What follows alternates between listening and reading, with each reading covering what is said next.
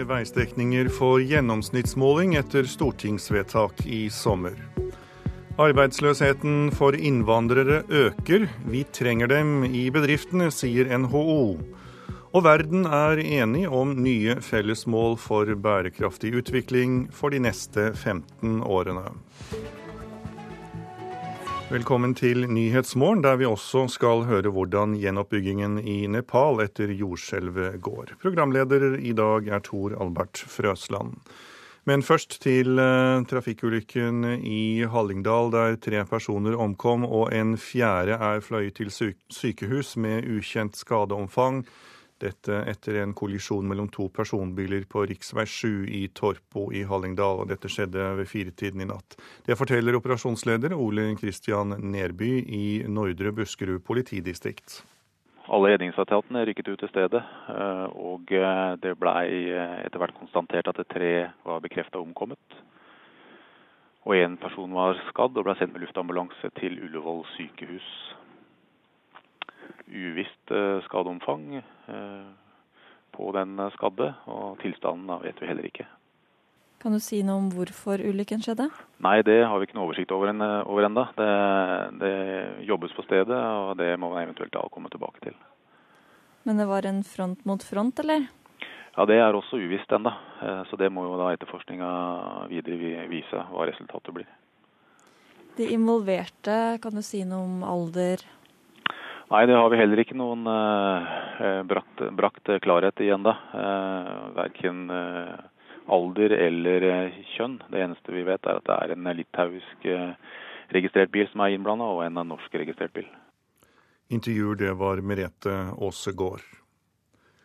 Flere veistrekninger kommer til å få målinger av gjennomsnittsfart allerede fra i høst og neste år. Det skjer etter at Stortinget overprøvde regjeringen og sa ja til å bruke såkalt streknings-ATK på flere steder. Mange kjører for fort, og på Ellingsøya i Ålesund i Møre og Romsdal er mange glade for at det snart blir gjennomsnittsmåling i tunnelen ut dit. Veldig mange kjører altfor fort. Og det kan jo føre til ulykker, selvfølgelig. Mm. De kjører faktisk så fort at det nå blir gjennomsnittsmåling der. Hva syns du om det? Det syns jeg er veldig bra. For det er mange som driver forbikjøringer, og det er ikke, ikke så lurt nedi der.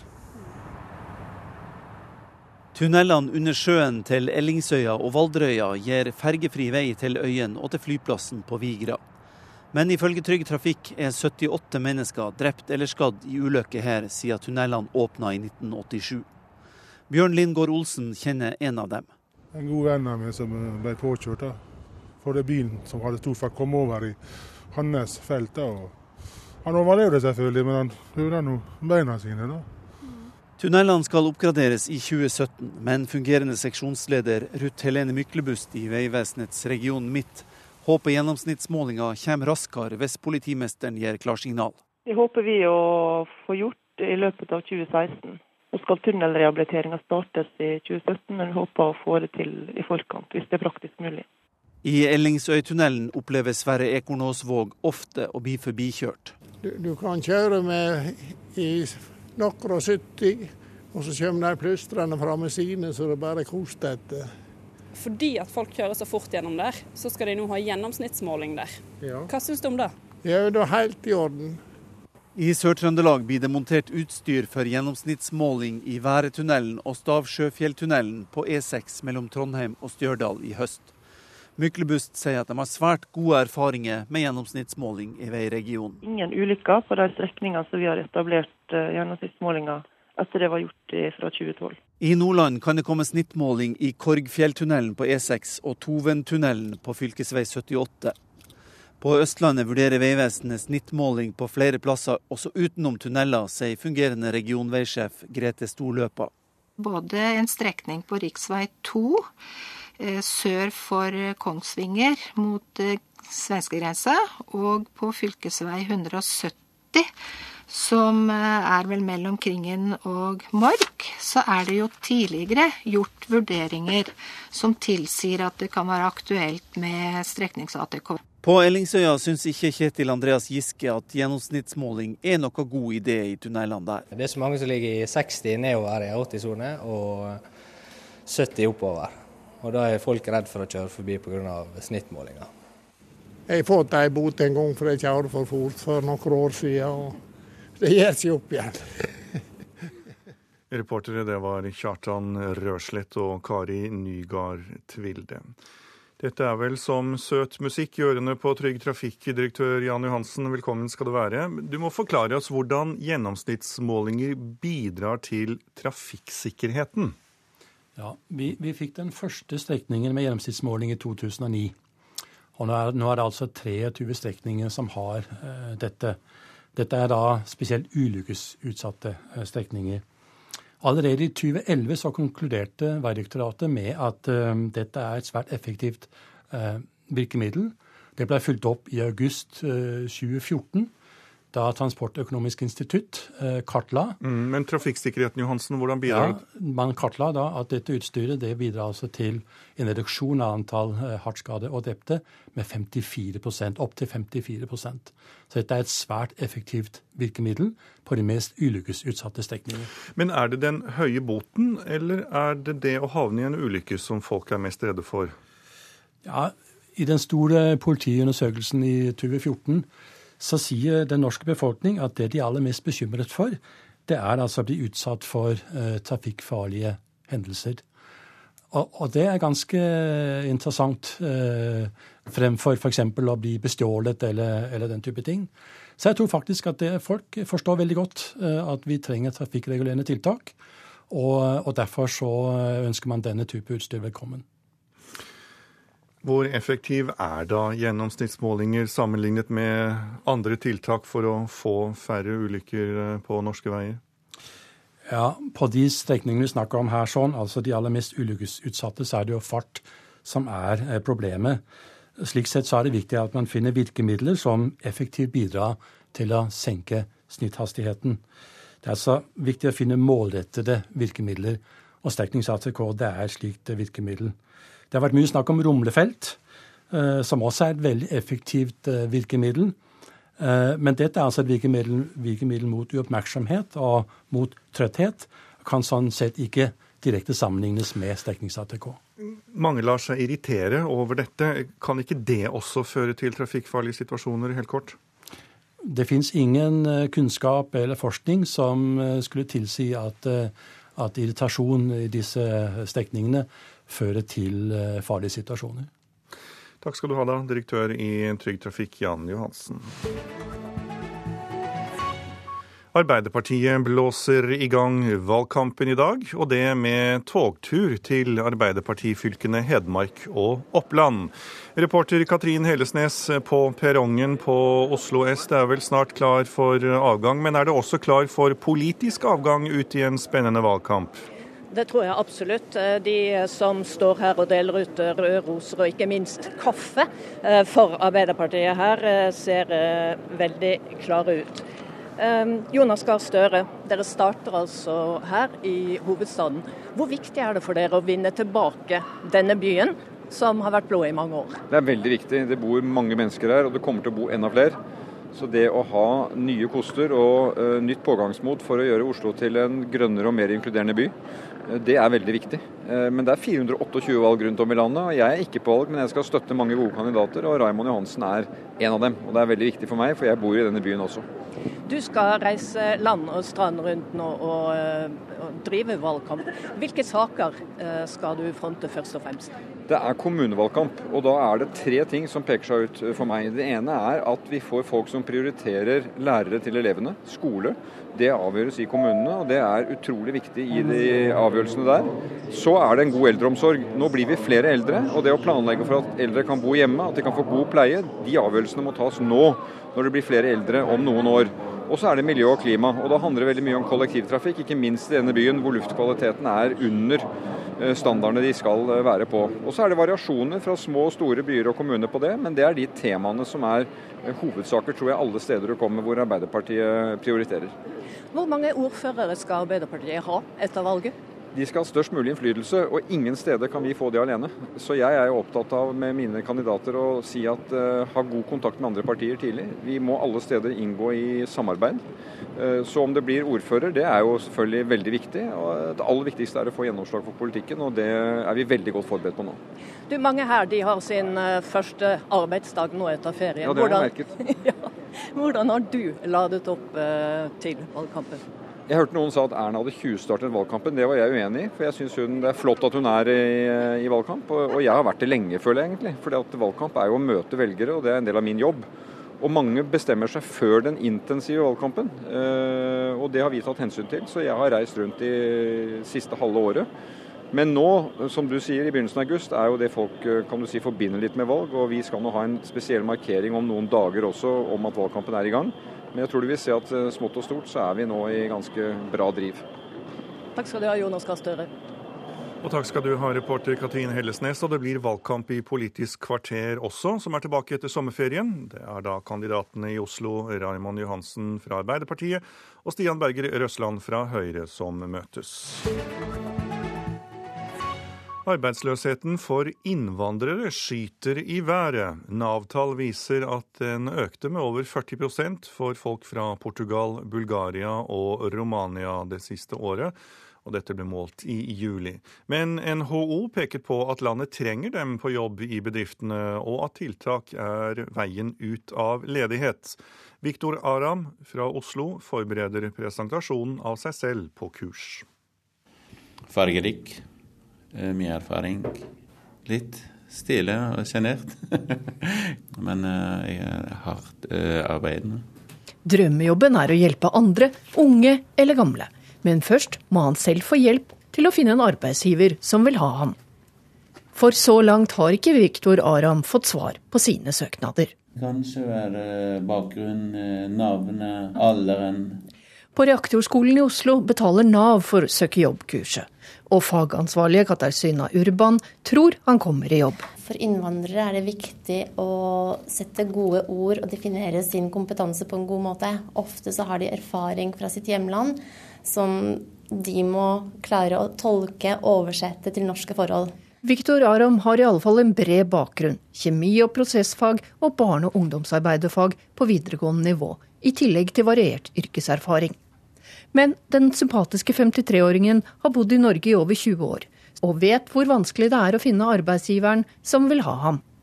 Kampen om de ufaglærte jobbene er knalltøff. Det sier leder for marked i Reaktorskolen, Kari Sivehaugen. Ja, det er det absolutt. Og òg på ufaglærte stillinger er det flere hundre eh, søknader. Hun mener det aller viktigste for den arbeidsledige er å holde ut, og å komme seg ut. Og det største eh, jobben man gjør, er jo å, å motivere eh, og få tilbake troen på seg sjøl og sin egen kompetanse, og at man har noe å bidra med ut i samfunnet. Så det, man er ikke alene om det. Eh, og det er viktig å ikke mm, ja, bli sittende fast i sofaen, men komme seg opp og ut og få troen igjen. Innvandrere har over tre ganger så høy ledighetsandel som resten av befolkningen og enda høyere er den for østeuropeere.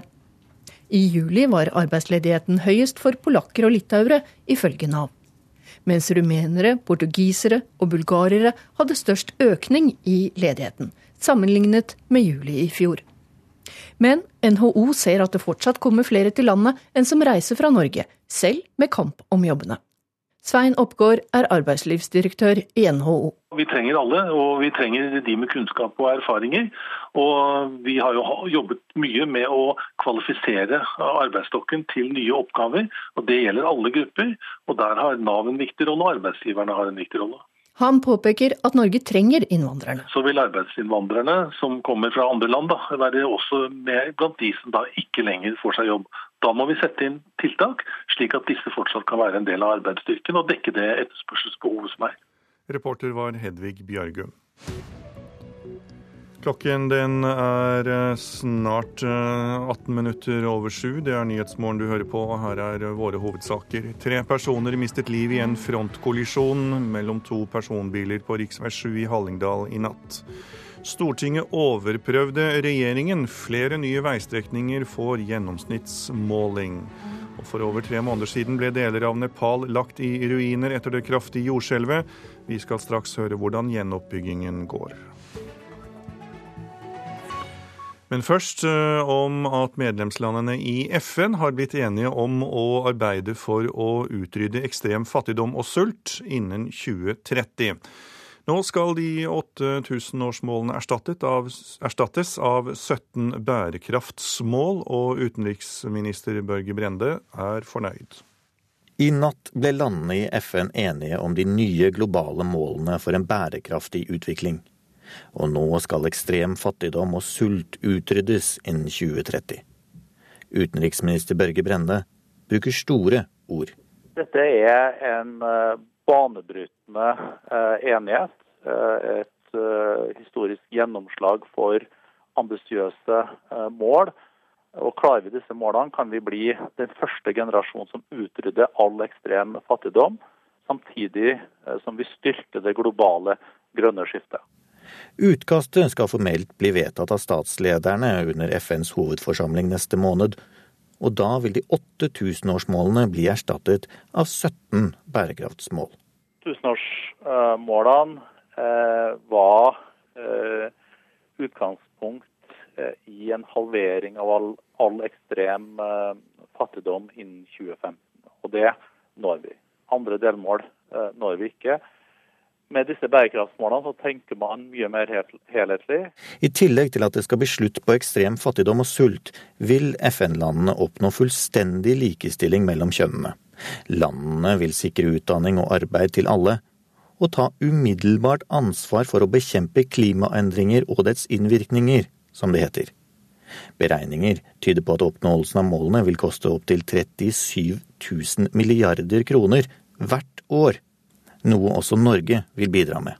Norge er eh, forplikta til å gi minst 0,7 eh, av eh, verdiskapninga vår til bistand. Vi skal satse mer innenfor utdanning, doble satsinga. Og vi skal tenke utradisjonelt når det gjelder å øke investeringer i utviklingsland, slik at det kan skapes de nødvendige arbeidsplassene. Reporter var Christian Aanensen. Det har gått over tre måneder siden Nepal ble rammet av et kraftig jordskjelv hvor rundt 8500 mennesker mistet livet. Rundt 250 000 hus ble ødelagt, og nesten like mange fikk skader da skjelvet rammet i april. Marit Sørheim, du, er, du kommer fra hjelpeorganisasjonen Caritas, velkommen skal du være, og har nettopp vært i Nepal. Hvordan er situasjonen i landet nå? Ja, Som alltid ved naturkatastrofer så er det de fattigste som rammes hardest. Eh, blant de er det mange som er av eh, lavkaste eller har annen minoritetsbakgrunn. Og det er klart at eh, deres situasjon gjør et sterkt inntrykk. Og selv om vi nå er over den mest akutte nødhjelpsfasen og forbereder seg på å starte gjenoppbygging så snart monsunregnet gir seg, så er det fortsatt store humanitære behov. Eh, de fleste som ble rammet av jordskjelvet og mistet alt, de lever fortsatt i midlertidige skur som er satt opp av eh, presenning og bølgeblikk. Og mange mistet matlagre og redskaper i jordskjelvet, sånn at matmangel på kortere og litt lengre sikt kan fortsatt bli en utfordring. Hva gjorde spesielt inntrykk på deg? Eh, vi var i et distrikt som, som heter Kavre, som var blant de som ble hardest rammet av jordskjelvet. Eh, og i tillegg til å se den vanskelige situasjonen som befolkningen levde under, så er det veldig viktig å få frem pågangsmotet og styrken i lo lokalsamfunnet og i hvert enkelt menneske. Eh, de deler det lille de har, og eh, arbeider hardt for å starte å bygge opp igjen livene sine. Og det gjør et eh, utslettelig inntrykk. Vi er kjent for å bidra i form av penger, vi nordmenn og andre land også for den slags skyld. Men det vi selvfølgelig er interessert i å vite, kommer pengene frem? Kommer hjelpen sånn sett frem? Ja, hjelpen kommer frem, og akutt hjelp har kommet frem over hele det jordskjelvrammede området. først og fremst takket være lokale organisasjoner og den enorme frivillige innsatsen som gjøres av eh, nepaleserne sjøl. Eh, lokale myndigheter var raskt på banen i mange av de rammede distriktene, og eh, har fått støtte av internasjonale organisasjoner som må gjøre en stor innsats. Caritas har så langt hjulpet 300 000 mennesker med matutdeling i den mest akutte nødhjelpsfasen. Eh, og har òg delt ut presenninger og bølgeblikkplater, nødhjelpsartikler osv. Du nevnte at den mest akutte nødhjelpsfasen er, er over. Hva er det da landet trenger nå, kan du si det kort? Ja, eh, de aller fleste vi snakket med sa at deres viktigste prioritet nå var å få opp permanente jordskjelvsikre hus og latriner og lagringsplass for avlingene. Videre så er det mange helsestasjoner og skoler som har falt ned, som trenger å gjenoppbygges. Eh, og en del vannkilder har tørket opp som følge av regnet, og det av jordskjelvet. Eh, og det er viktig å få på plass for å sikre avlingene. Takk skal du ha, Marit Sørheim i Caritas. Da skal vi eh, titte litt på noen eh, av avisforsidene i dag. Aftenposten har historien om en elleveåring som av tre leger er diagnostisert som syk, men det holder ikke for barnevernet, som mener jenta må i fosterhjem. Motstand mot søndagsåpne butikker øker blant eh, de borgerlige partiene. Høyre sier nei i 37 kommuner, og Fremskrittspartiet sier nei i 21 kommuner. Venstre avviser søndagshandel i hele 78 kommuner, skriver Klassekampen. Forbrukerrådet har oppskriften på hvordan boligmangelen skal løses. Det bør lempes på kravene til studentboliger, bl.a. ved å droppe kravet om romslige uteområder, parkeringsplasser, gode lysforhold og utsikt og rolige omgivelser. Privatøkonomien i Rogaland er sterk, for folk flest er mer økonomisk robuste enn for to år siden, ifølge Sparebank1 SR-Bank, skriver Dagens Næringsliv. 50 er ikke det samme som ferdig. Flere på 50 pluss forteller i VG hvordan de kom seg i ny jobb etter at de rundet nettopp 50. Dagbladet vil gjerne ha oss til å se yngre ut enn det vi er. Flest av oss drømmer om småbylivet, for 27% av de spurte vil gjerne bo i en småby, viser en undersøkelse gjort for Nasjonen. Oslofolk vil i minst grad bo på bygden. Finansavisen har tittet PR-byråene litt etter i kortene, og kan fortelle oss at det er gode tider i denne bransjen, med noen få unntak. Bistandskritikken er tema i Vårt Land. Norfund mener kritikken fra miljøorganisasjoner ødelegger for norske bistandsprosjekter.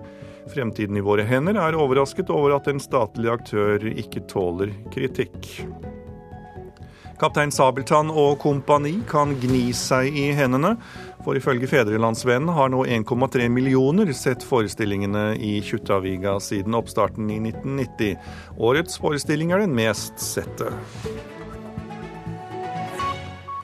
Det er kanskje ikke så ofte du ser eh, jenter i rullebrettparken, men det vil gjengen vi nå skal få møte, endre på.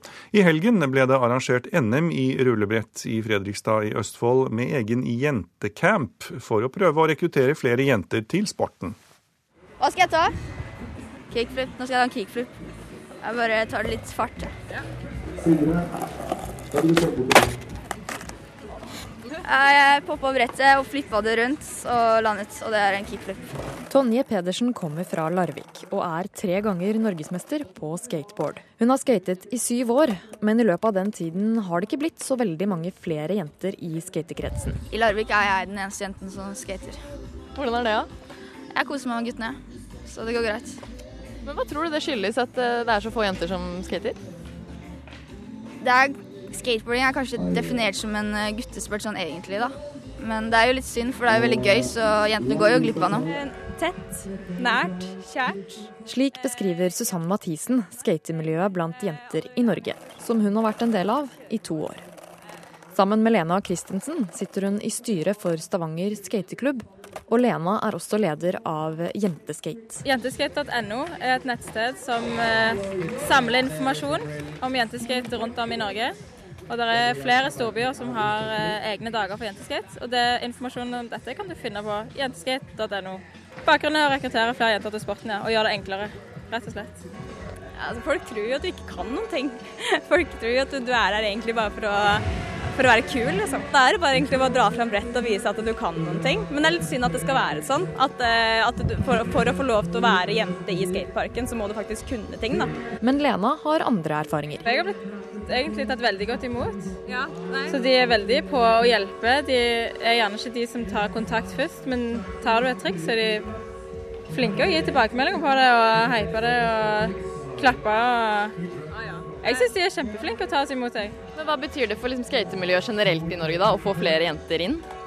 Nei, altså det er jo eh, allsidighet. Eh, altså jeg tror nok eh, Jeg tror all, alle aspekter av eh, verden generelt trenger flere sider. Og eh, gutta har fått lov til å kjøre brett alene i ganske mange år nå, så nå er det på tide at vi også får lov til å være med på moroa. Og hva tenker gutta om det? Nei, Det har vært bra at flere jenter har begynt å skate. Det, det er kult, det. Det, det har blitt eh, egne sånn jenteskatekvelder på sånne klubber og sånn, og det er litt bra. Så kanskje de tør mer. Kjenner du mange jenter som skater? Nei, jeg kjenner nesten ingen egentlig. Men det vil Jenteskate endre på. Det skal være like normalt å se en jente i skatepark som å se en gutt. Hvordan skal dere gjøre det? Vi kommer til å gjøre det med å fortsette å tilrettelegge og prøve å dra med jentene og ta hensyn. Og jeg tror også det er viktig å være litt synlig. At vi er flinke til å ikke stå på sidelinja, men faktisk være med ut i parken og kjøre på like hardt som gutta gjør. Og reporter på rullebrett camp, det var Victoria Ose. I reportasjen etter Dagsnytt så kan du få høre at vi nærmer oss 70-årsmarkeringen av atombomben i Hiroshima. Og i høstens første politiske kvarter skal du få høre at det påstås at det er barnehagekrise i Oslo, med landets lengste barnehagekøer. Produsent for Nyhetsmorgen Vidar Eidhammer, teknisk ansvarlig Espen Hansen og i studio Tor Albert Frøsland.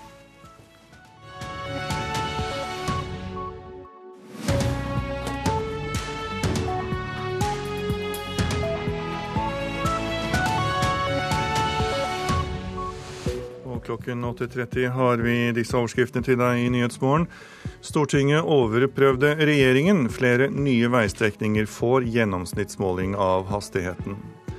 Medlemslandene i eh, FN eh, har blitt enige om å arbeide for å utrydde ekstrem fattigdom og sult innen 2030. Og arbeidsløsheten for innvandrere øker. Vi trenger dem i bedriftene, sier NHO. Flere veistrekninger kommer til å få målinger av gjennomsnittsfart allerede fra i høst og neste år. Det skjer etter at Stortinget overprøvde regjeringen og sa ja til å bruke såkalt, såkalt streknings-ATK på flere steder. Mange kjører for fort, og på Ellingsøya ved Ålesund i Møre og Romsdal er mange glade for at det snart blir gjennomsnittsmåling i tunnelen ut dit. Veldig mange kjører altfor fort, og det kan jo føre til ulykker, selvfølgelig. Tunnelene under sjøen til Ellingsøya og Valderøya gir fergefri vei til øyen og til flyplassen på Vigra. Men ifølge Trygg Trafikk er 78 mennesker drept eller skadd i ulykker her siden tunnelene åpna i 1987. Bjørn Lindgård Olsen kjenner en av dem. Han overlevde selvfølgelig, men han hører nå beina sine, da. Tunnelene skal oppgraderes i 2017, men fungerende seksjonsleder Ruth Helene Myklebust i Vegvesenets region Midt håper gjennomsnittsmålinga kommer raskere hvis politimesteren gir klarsignal. Det håper vi å få gjort i løpet av 2016. I Ellingsøytunnelen opplever Sverre Ekornåsvåg ofte å bli forbikjørt. Du, du kan kjøre med i noen og 70, og så kommer de plystrende framme sine, så det bare koser etter. I Sør-Trøndelag blir det montert utstyr for gjennomsnittsmåling i Væretunnelen og Stavsjøfjelltunnelen på E6 mellom Trondheim og Stjørdal i høst. Myklebust sier at de har svært gode erfaringer med gjennomsnittsmåling i veiregionen. Ingen ulykker på de strekningene som vi har etablert uh, gjennomsnittsmålinger etter det var gjort fra 2012. I Nordland kan det komme snittmåling i Korgfjelltunnelen på E6 og Toventunnelen på fv. 78. På Østlandet vurderer Vegvesenet snittmåling på flere plasser, også utenom tunneler, sier fungerende regionveisjef Grete Storløpa. Både en strekning på rv. 2 Eh, sør for Kongsvinger og på fv. 170. Jeg har fått ei bot en gang for jeg kjørte for fort for noen år siden, og det gjør seg opp igjen. Reportere her det var Kjartan Røslett og Kari Nygaard Tvilde. Sjef for utrykningspolitiet Runa Karlsen, god morgen. Du, hva slags erfaringer har dere med bruk av gjennomsnittsmålinger? Det er gode erfaringer eh, med, med, bruken. Det er vel eh, relativt godt dokumentert at eh, hastigheten går ned på disse strekningene. Og Det er viktig å få ned hastigheten. Redusert hastighet medfører en faktor for å redusere antall dødsulykker her på, i landet. Ja, Blir det gjennomsnittsmålinger overalt, så blir vel du arbeidsledig, da? På ingen måte. Eh, teknologien kan på ingen måte erstatte politiinnsatsen på veiene. For disse ATK-boksene tar verken ruskjørere eller andre som tar høy risiko i trafikken. Du tar heller ikke de som kjører uten førerkort. Nei, Jeg forstår det. Men fortell oss på hva slags eh, strekninger er det viktigst å ha slike målinger? Ja, det er det veimyndighetene i samarbeid med lokal politimester som, eh, som, ser nærmere på. Men sånn generelt kan jeg si eh, det slik at politiet er opptatt av at man først og fremst får dekt opp flere tunneler. Det, I tunnelene er begrensninger på, på, vår mulighet til å kontrollere og avdekke fartslovbrudd. På hvilken måte da? Nei, det, er, det, har mange årsaker, det. Det har HMS-årsak eh, til hvordan man kan en måte, rigge en eh, stasjonær kontroll inni en tunnel eh, osv.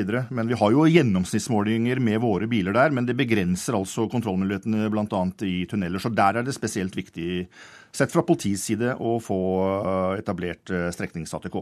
Og Dere i UP er jo på veiene, det skal dere jo være. Hvilken forskjell har dere merket på strekninger som har fått slik gjennomsnittsmåling?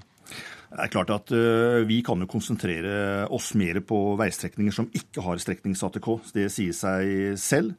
Uh, så streknings-ATK, eller ATK generelt, er et godt supplement til uh, vår politiinnsats, men kan på ingen måte erstatte vår, våre metoder, som er mer uforutsigbare, som har en avskrekkende effekt. Og jeg kan også fra vår kontrollstatistikk så, så avdekker vi nok vi åtte til ti ganger flere grove fartslovbrudd som medfører førerkortbeslag enn ATK-systemene. Blir dere mindre ute på veiene med slik eh, automatisk måling? All forskning sier at man må ha mer kontroll, mer politiinnsats på veiene for å få ned dødsulykketallet i Norge. Så vi kommer til å være der med samme styrke og konsentrere oss om fartsmålinger og annen eh, farlig trafikkatferd, spesielt eh, å avdekke og forebygge ruspåvirket kjøring, som er svært farlig. Takk skal du ha, sjef for utrykningspolitiet Runar Karlsen. Og tre personer omkom da i en trafikkulykke på rv. 7 i Torpo i Hallingdal i natt. En av ulykkesbilene er norskregistrert, den andre er registrert i Litauen. Politiet vet ennå ikke hva som var årsaken til ulykken. Ca. klokken 03.49 fikk politiet melding via AMK om at to biler hadde kjørt i hverandre på rv. 7 ved Torpomoen i Hallingdal.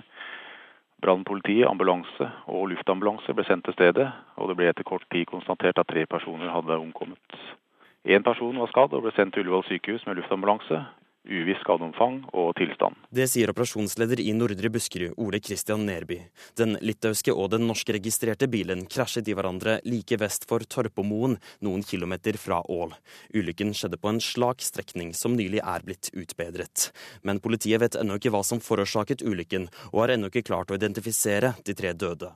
Nei, det har vi heller ikke noen eh, brakt, brakt, klarhet i ennå. Eh, verken uh, alder eller eh, kjønn. Det eneste vi vet er at det er en litauisk eh, registrert bil som er innblanda, og en norsk registrert bil. Politiet vil nå jobbe videre med å varsle de pårørende. Så Nå eh, er vi på, på skadestedet. Vi er i ferd med å fjerne bilene, og vi, vi håper at vi skal klare å identifisere de omkomne så fort som mulig. Reporter var Martin Holvik. Politiet leter etter tre menn som tok kvelertak og truet en drosjesjåfør med pistol i Oslo i natt.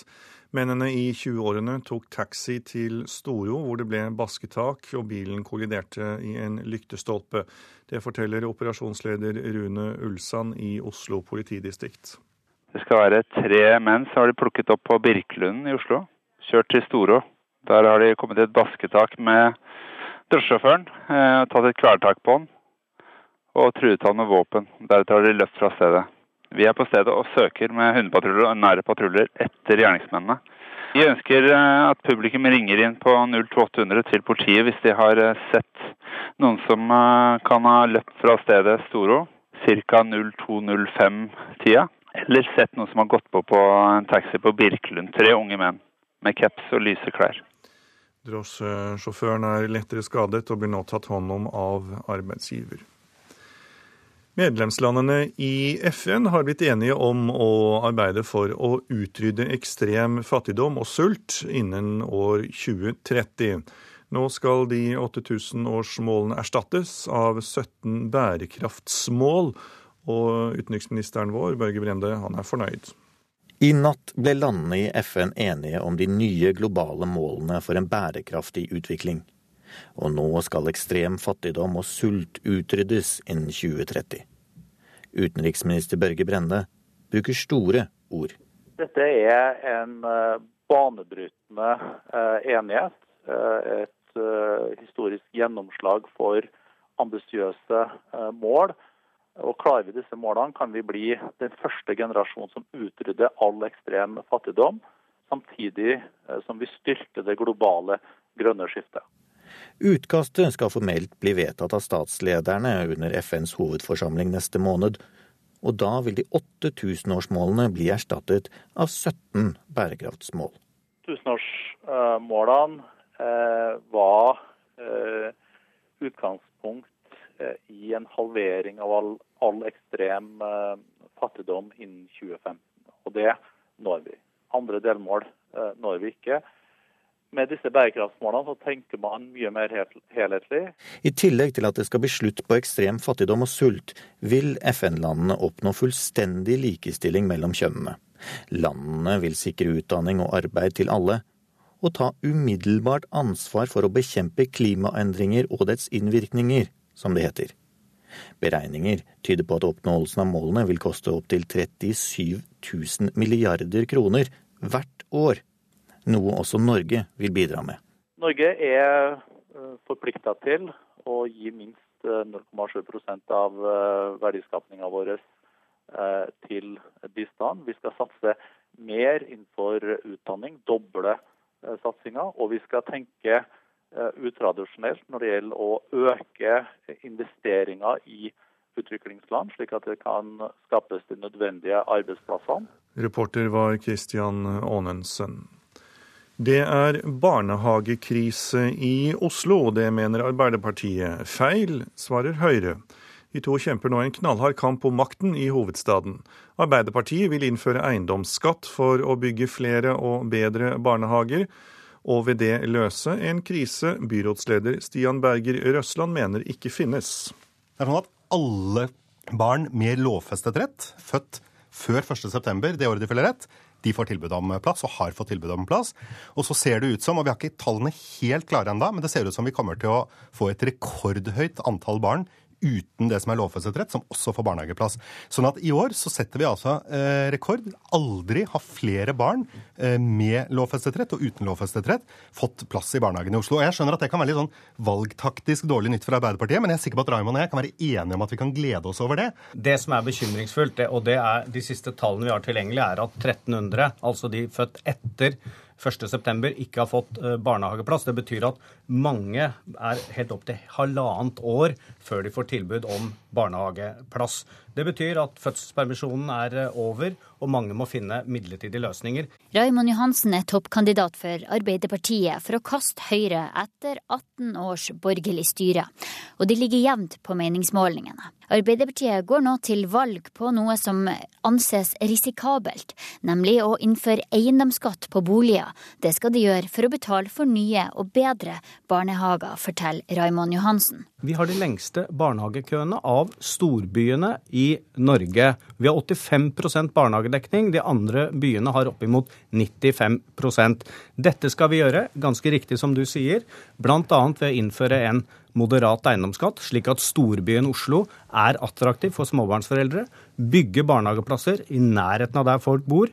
God kvalitet, ha gratis kjernetid for de som har behov for det. Nettopp for å mobilisere enda flere for å gå i barnehage. Det som bekymrer meg, er jo bl.a. hvis Raymond og, og, SV og Rødt skulle få flertall og innføre eiendomsskatt, hvordan det vil svekke Oslo som attraktivitet som by.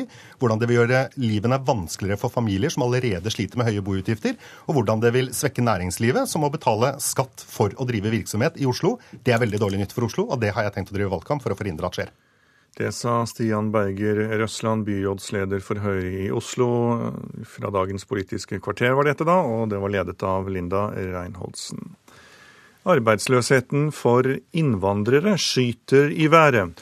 Julitall viser at ledigheten økte med over 40% for folk fra Portugal, Bulgaria og Romania. Selv om én av tre arbeidsløse er innvandrere, trengs de i arbeidsstyrken fremover, sier NHO. Iranskfødte Viktor Aram forbereder presentasjonen av seg selv på kurs. Fargerik, eh, mye erfaring. Litt stille og sjenert. Men eh, jeg er hardt eh, arbeidende. Drømmejobben er å hjelpe andre, unge eller gamle. Men først må han selv få hjelp til å finne en arbeidsgiver som vil ha ham. For så langt har ikke Viktor Aram fått svar på sine søknader. På Reaktorskolen i Oslo betaler Nav for søke jobb-kurset, og fagansvarlige Katarzyna Urban tror han kommer i jobb. Klarer du å vise frem hvem du er, klarer du å sette ord på din kompetanse, så er det ikke noe vanskeligere egentlig det å være en innvandrer enn det å være en f.eks. norsk ungdom, da. Eller norsk arbeidsledig. Jeg tror virkelig ikke det. Eh, det handler bare om å tydeliggjøre og vise frem hvem du er. Innvandrere har over tre ganger så høy ledighetsandel som resten av befolkningen.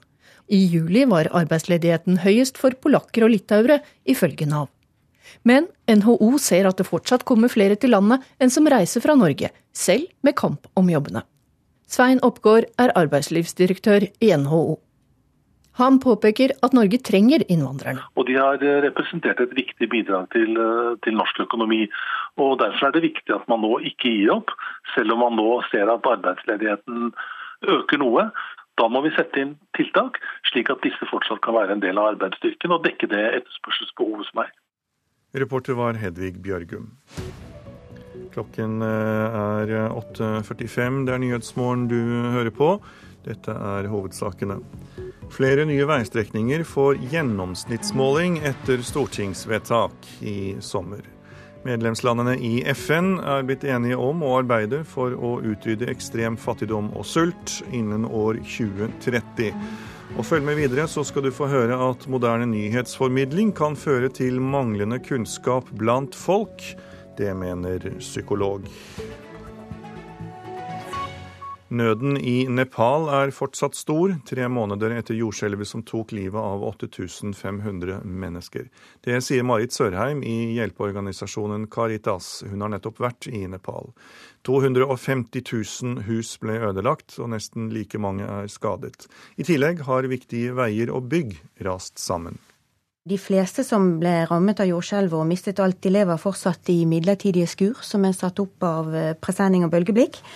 Og mange mistet matlagre og redskaper i jordskjelvet, sånn at matmangel på kortere og litt lengre sikt kan fortsatt bli en utfordring. Eh, de aller fleste vi snakket med sa at deres viktigste prioritet nå var å få opp permanente jordskjelvsikre hus. Videre så er det mange helsestasjoner og skoler som har falt ned, som trenger å gjenoppbygges. Og en del vannkilder har tørket opp, eh, og det er viktig å få på plass for eh, å sikre avlingene. Og Norge har gitt 230 millioner kroner til nødhjelp og gjenoppbygging av Nepal. Psykolog Willy Tore Mørk mener den nye trenden med kortere nyhetsformidling kan være uheldig. Han tror kortfattede oppdateringer kan føre til kunnskapshull i samfunnet, noe som på sikt kan skade demokratiet. Men unge i Tromsø ønsker medienes bruk av Snapchat og annen kortfattet nyhetsformidling velkommen. Det kan jo være spennende, da. Sikkert litt lettere å få kontakt med unge folk. For det er mye lettere å følge med på nyheter. Fordi da de bruker jo Snapchat, de fleste. Jeg syns egentlig det er en eh, rimelig god idé. Så lenge, man, eh, så lenge det er implisitt at man skal lese videre på de nyhetene, kanskje på nett eller finne det andre steder. Men som en sånn raskt overblikk av nyheter, så syns jeg det høres fornuftig ut. Litt på samme måte som Twitter. Erika Johanne Valdemarsen og Viljar Hansen synes det er fint at mobilapplikasjonen Snapchat nå i økende grad også blir benyttet av mediene i nyhetsformidling. En hurtig og kortfattet nyhet, gjerne med et bilde som illustrasjon og en enkel setning, gir brukeren en oppsummering av dagens nyhetsbilde i noen sekunder. Psykolog Willy Tore Mørk synes en slik form for informasjon passer best til hendelsesnyheter. De har lagt ut eh, litt nyheter her i dag, så mm. da, da, kan du eh, klikke med fingeren din oppå der. 47 branner i Bergen på to og et halvt år. Eh, det er en kort og konsis informasjon. Så er det et kart over Bergen, antagelig, på de mest brannutsatte områdene. Storbrannen i dag er slukka. Da får man jo en veldig kort versjon av, uh, av dette, dette, nyhetsbildet, da. Det gjør man. Altså er, en brann er en brann. Og i den type nyheter vil nok eh, denne kortversjonen som vi ser her, kunne være hensiktsmessig. Du får en, en oversikt over en del temaer, et, et sånt enkelt tema. Hvis dette blir nyhetsformidlingen, eh, hvis den går i den retningen på flere og flere temaer, så tror jeg det er uheldig for, for samfunnet og for demokratiet. Hvorfor er det uheldig for demokratiet? Ja, fordi at demokrati forutsetter at en, at en befolkning med en brukbar opplysning, kunnskap om, eh, om, samfunnet. Og da krever det også litt innsikt. Og da krever man at man, man får man, man, setter seg inn i en sak på, en, på en noe bredere om, område enn på de veldig korte enkeltsetningene. En av de mest innovative mediene på feltet, NRK P3 Nyheter, får stadig flere følgere på Snapchat-nyheter. Journalist og vaktsjef Ingvild Settem Beltesprekke tror folk i stor grad supplerer med annen og dypere informasjon. Jeg tror ikke folk bruker bare den korte nyhetsformidlinga. Hadde det vært sånn, så, så kunne det kanskje vært et poeng, men jeg tror Iallfall de som, som, lytter på P3 eller, eller følger oss eh, på sosiale medier, de, de, bruker det til å holde seg oppdatert gjennom dagen. Og, og så går, de til andre kilder for å få fordypning. Enten det er da i, på P3 sine fordypende tilbud, eller om det er på andre steder. Reporter var Henriette Leine Vangen. Fotball nå. I går ble Ole Kristian Selnes igjen helt avgjørende for serieleder Rosenborg, da laget snudde kampen og slo Sarpsborg 3-2. Han skulle egentlig spares, men kom inn ved pause og storspilte. Det tøffe kampprogrammet sliter imidlertid på kroppen hans.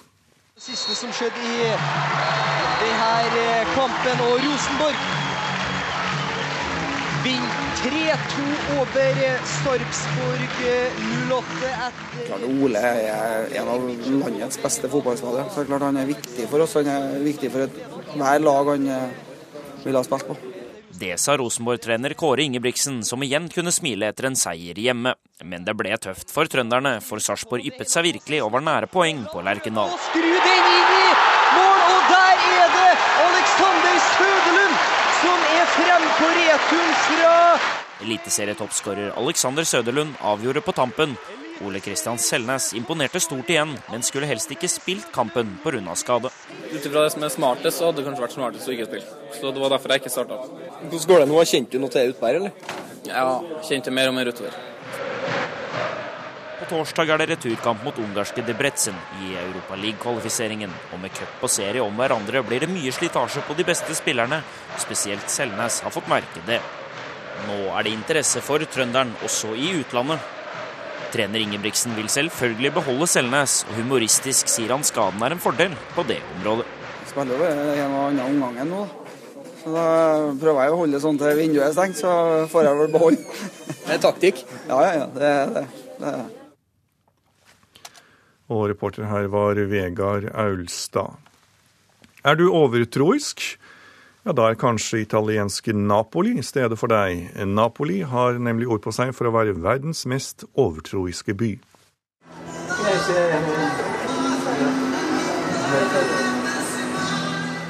Jeg er i Napolimania, en butikk i sentrum av Napoli som har spesialisert seg på gjenstander knyttet til overtro. I hyllene i Napolimania finner jeg et rikt utvalg av produkter som skal bringe hell og lykke.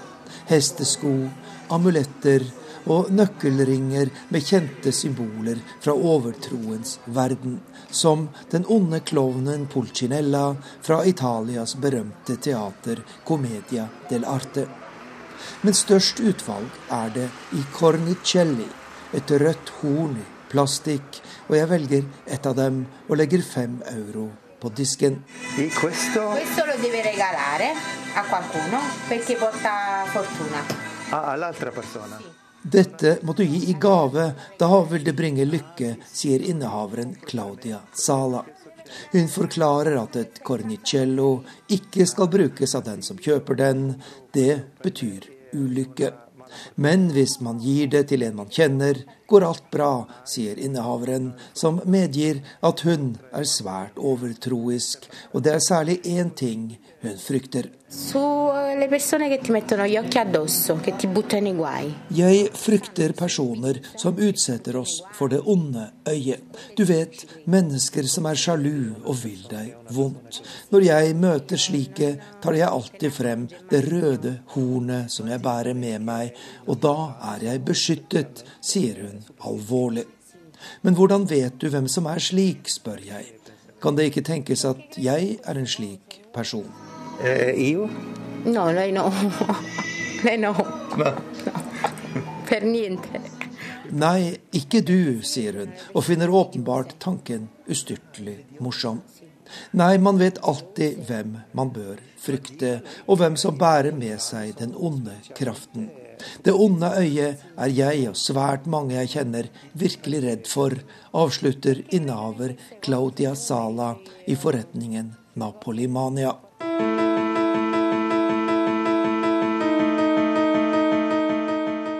Folk i Napoli har ord på seg for å være de mest overtroiske i verden, og en kortfilm på internett viser noen eksempler på hva som kan bringe ulykke. Å se en svart katt, å åpne paraplyen innendørs, å gå under en stige, å velte saltbøssa på bordet, osv. Altså det man kjenner også i Norge. Men napolitanerne tar dette på langt større alvor enn oss, og de er svært opptatt av å unngå alt som kan tenkes å bringe ulykke. Hvorfor er det slik?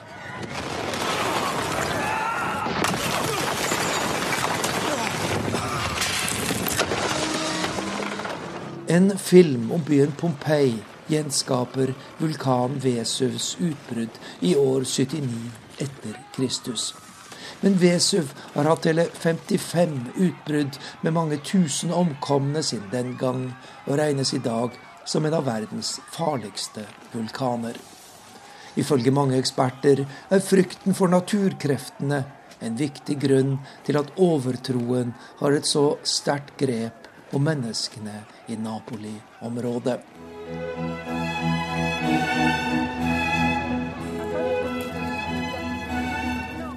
Men stadig flere napolitanere tar nå avstand fra overtroen, og mener det er på tide å fri seg fra det de ser på som gammeldags og nokså tøvete.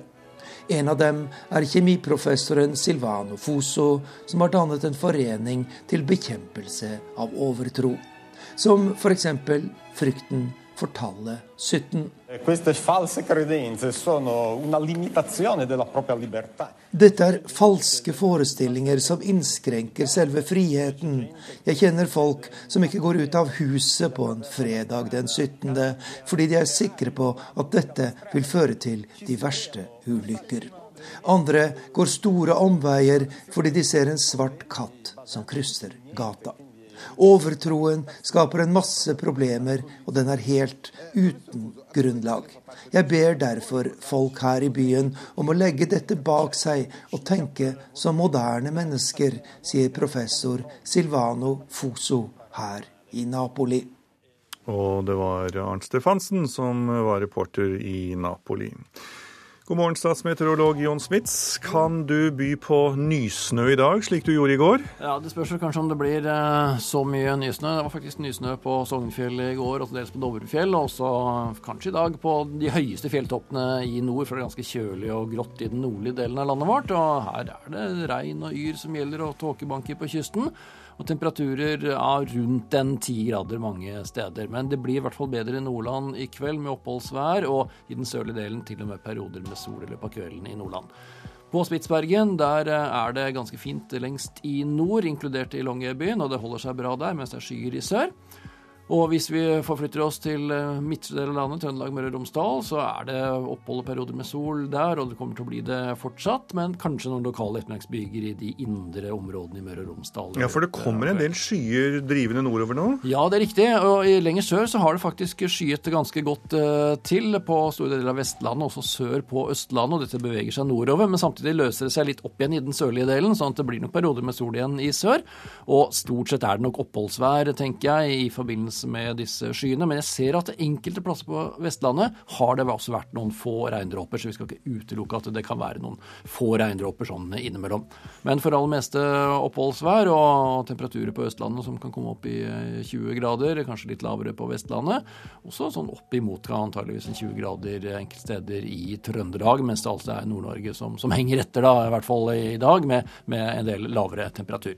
Men så venter vi en del kraftige regnbyger inn mot vestlige deler av Sør-Norge i løpet av morgendagen. Kommer allerede i natt, kanskje inn mot eh, Vestlandet sør for Stad, og brer seg mot Østlandet mot kvelden i morgen. og De bygdene kan bli ganske kraftige. Takk skal du ha, Jon Smits. Ansvarlig for eh, nyhetssendingen i dag, det er eh, Elin Pettersen.